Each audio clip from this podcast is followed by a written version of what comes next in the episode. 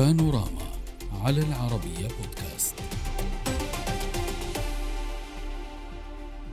في مواجهة صريحة وتحد مباشر مع الغرب الغاضب من الكريملين الرئيس الروسي بوتين يجمع بقادة أو يجتمع بقادة أفريقيا في سان بطرسبرغ. روسيا التي لم ترفع عينها عن أفريقيا منذ أشهر بقناعة وطموح بوتين بتأسيس نظام عالمي جديد. تستضيف الخميس قمة مع عدة دول إفريقية لتؤكد فيها على أهمية الشراكة بين موسكو ودول إفريقيا. بوتين أكد أن تعاون بلاده مع أفريقيا وصل إلى سنوات وفي السنوات الأخيرة إلى مستوى جديد ويعتزم زيادة تطويره. أما المتحدث باسم الكرملين ديمتري بيسكوف فقد اتهم الدول الغربية بمحاولة ثني الأفارقة عن حضور هذه القمة. وقال إن كل الدول الإفريقية كانت عرضة لضغوط غير مسبوقة من الولايات المتحدة ومن السفارات الفرنسية لعرقلة انعقاد القمة. وخلال الأعوام الماضية عززت روسيا عبر صادرات الحبوب وصفقات التسليح والتعاون في مجال الطاقة من حضورها في أفريقيا وهي سوق تكتسب أهمية متزايدة بالنسبة لموسكو منذ بدء حرب أوكرانيا في فبراير من العام الماضي. نناقش هذا الموضوع مع ضيوفنا من موسكو دكتور رولاند بيجاموف المحلل السياسي. أهلا بك ومن باريس جون بيير ميلالي الكاتب السياسي. أهلا بكم ضيوفي الكرام. اسمحوا لي أن أبدأ من باريس معك سيد جون بيير سيد جون بيير بالعودة إلى تصريحات المتحدث باسم الكريملين ديمتري بيسكوف اتهم الدول الغربية بمحاولة ثني الأفارقة لإما فتح علاقات أو تمتين علاقات مع روسيا. إذا اعتمدنا وسلمنا جدلا بدقة ما ورد للكرملين من معلومات بخصوص هذا الموضوع. السؤال هو لماذا يتخوف الغرب من هذا التقارب الروسي الإفريقي؟ مساء الخير وشكرا على الاستضافة. أهلا بك. الطرف المنزعج آه، في هذه في هذا المشهد آه، هو روسيا وليس البلدان الغربية. آه، لأن هذه القمة تأتي بوقت مناسب ل تغيب آه، من الذاكرة. فشل السيد بوتين بالحضور إلى قمة البريكس.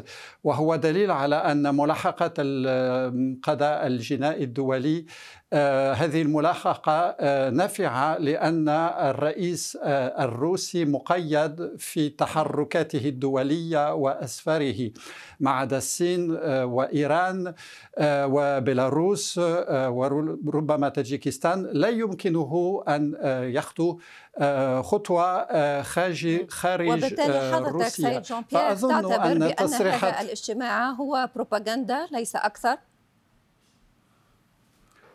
آه، ربما آه، أكثر ولكن آه، معظمه بروباغندا. لماذا؟ لأن القمة السابقة حدثت في سوتشي في سنة 2019 ولم تأتي هذه القمة بشيء لافت خصوصا أن آه، ضيف القمة وهي روسيا آه، نشبت آه، حربا شرسة ضد جارها الأوكرانية. فهذا ولكن الحديث قد يختلف سيد, سيد جون بيير الروسية. صحيح ولكن الحديث قد يختلف بخصوص هذا الاجتماع. هناك حديث عن استثمارات كبرى. خلينا ننقل هذه النقطة الدكتور رولاند. دكتور رولاند ضيف يعتبر بأن هذا الاجتماع في أساسه بروباغندا حتى وإن ستناقش من خلاله مجموعة أخرى من الملفات ولكن آه، بوتين هو الذي دفع بمثل هكذا اجتماع حتى يغطي على إخفاقات أخرى. هو ذكر البريكس مثلا وعدم قدرة بوتين على التجول بحرية في أغلب دول العالم. آه، شكرا لاستضافتي تحياتي للجميع ولضيفكم الكريم ولكن لا يمكنني أن أوافق مع وجهة نظره.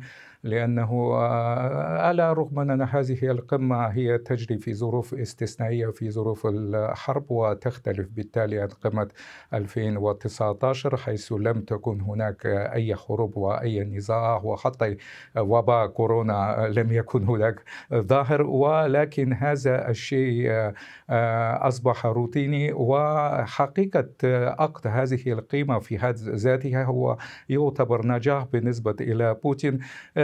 ولا يبدو أنه لا يجب الحديث هنا أن التفكير بأنه بوتين مقيد في تصرفاته.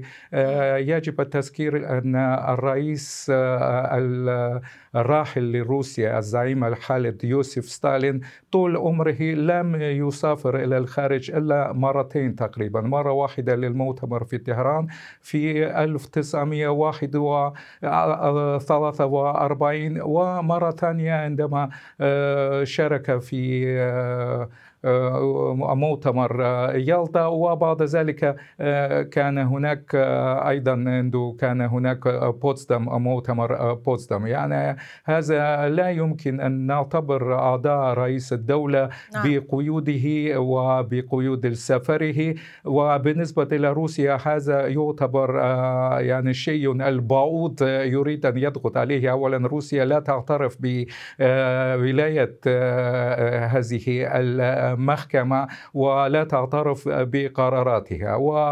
وسيشارك بوتين في هذه القمة لبريكس. ولا بد من الاعتراف بأن بوتين أحد الزعماء الكبار في هذه القمة. يبدو الاعتراف بذلك شينا أم أبينا. أما هذه القمة أعتقد أنه سيكون نعم. هناك إخراس بعض التقدم على رغم أن بالفعل هناك خصة المشاريع الاقتصادية لروسيا لا تزال هناك الاتجاهات الواعدة والآفاق الواعدة أمام روسيا لتطوير العلاقات مع القارة الأفريقية. وروسيا ليست آه، منافسا وحيدا نعم. للغرب في هذه القارة. أيضا هناك الهند نعم. والصين والشيء الأهم من ذلك على المدى المتوسط. سنشهد آه، جميعا نهوض الدول الأفريقية في هذه القارة كعامل في حد ذاته الذي أيضا سيصبح عاملا وقطبا سياسيا في مواجهة الغرب. طيب وبوتين كذلك تحدث عن ذلك وتحدث عن أن هناك أفاق تعاون كبيرة. كان هناك مقال سيد جون بيير آه، نشره الكرملين مقال نسب لبوتين. طبعا آه، تضمن تصريحات بوتين.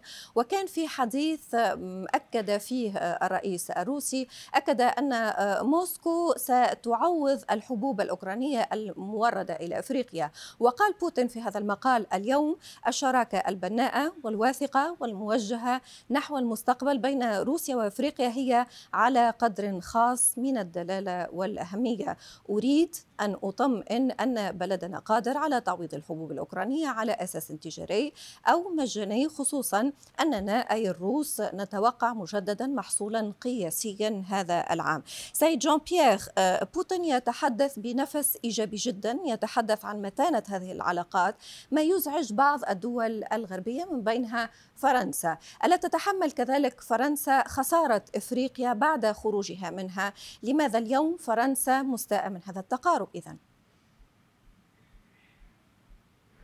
لا شك أن هناك آه، منافسة شرسة آه، للتواصل وللتواجد في إفريقيا من قبل ثلاث قوات رئيسية آه، الصين والغرب وروسيا ولكن المشكلة أن روسيا وضعت نفسها في آه، ورطة ولا أحد آه، دفعها في هذه الورطة. هي التي ارتمت بهذه الورطة بنفسها.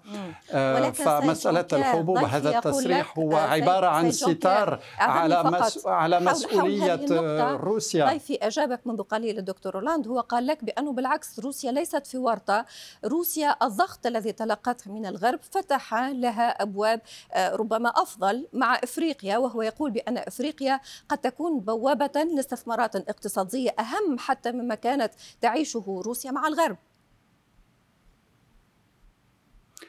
أنا أظن أن خطاب بوتين هو دليل على أنه منزعج لأن يعرف أن هو الذي حدد الاتفاق على نقل الحبوب ومعظم تلك الحبوب آه، ذاهبة لإفريقيا وستعاني بعض البلدان الإفريقية من نقصها وهو المسؤول الوحيد. ولو لم تكن آه، تركيا لما حدثت اتفاقية بخاص الحبوب. الآن إذا تكلمنا عن الخطاب البوتيني ولكن حول هذه النقطة سيد جون بيير اسمح لي فقط وأعذرني على المقاطعة لأن ضيفي كانت ربما له بعض الإشارات. دكتور رولاند وددت التعليق على ما قاله بخصوص تركيا أو ما قاله بخصوص ورطة بوتين.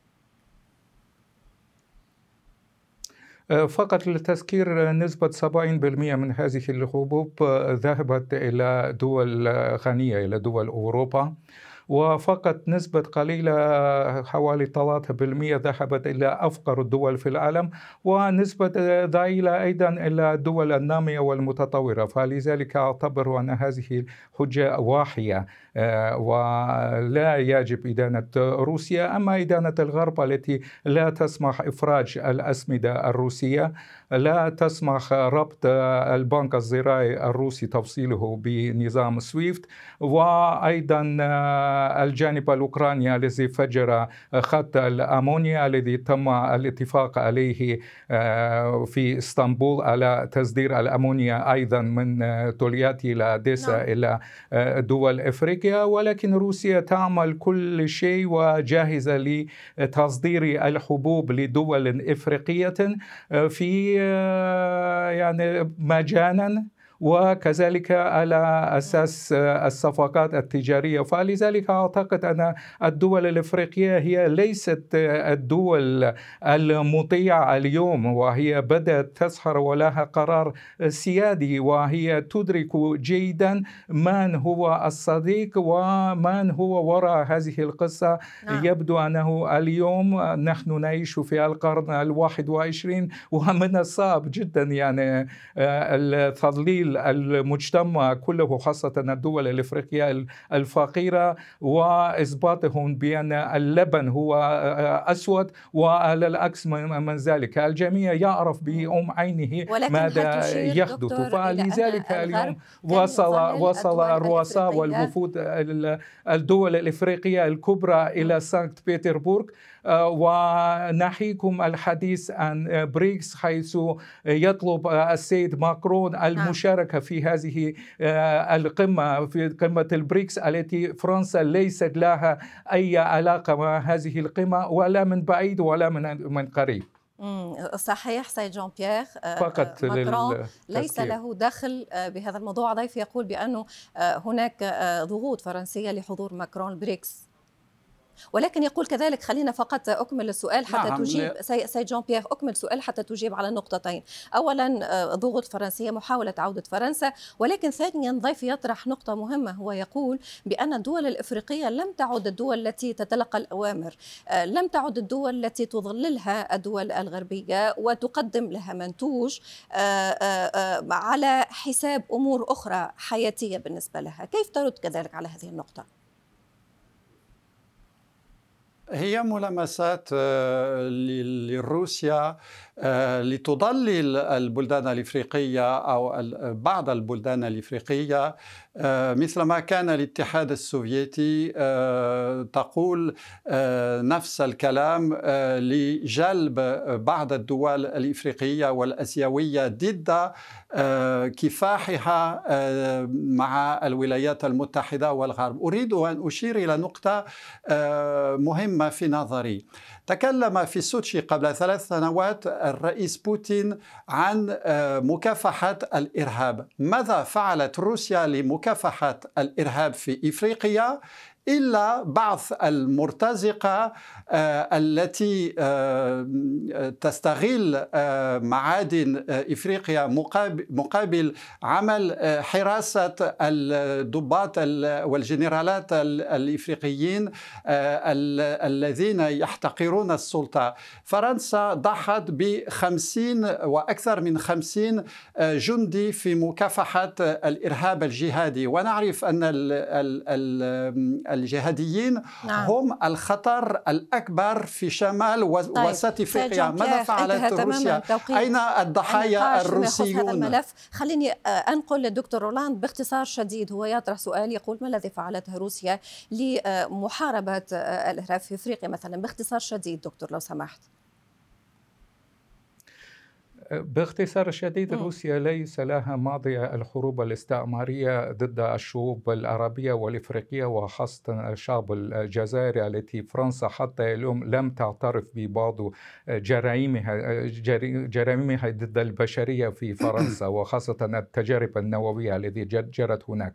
بالنسبة إلى مكافحة الإرهاب على الدول الإفريقية الحكم في ذلك لأن روسيا صعدت أيضا في مكافحة الإرهاب والسبب الرئيسي للجوء الدول الإفريقية إلى شركات عسكرية آه، روسية مثلا شركة واغنر هو نعم. كان سبب الفشل البعثات الغربية العسكرية نعم. وفشل العمليات العسكرية آه، الفرنسية في هذه المنطقة منها عملية برهان وغيرها طيب وضحت الفكرة شكرا جزيلا لك دكتور رولاند بيجاموف المحلل السياسي من موسكو وشكر كذلك لضيفي من باريس جان بيير ميليلي الكاتب السياسي. شكرا جزيلا لكم على الحضور. السلام عليكم.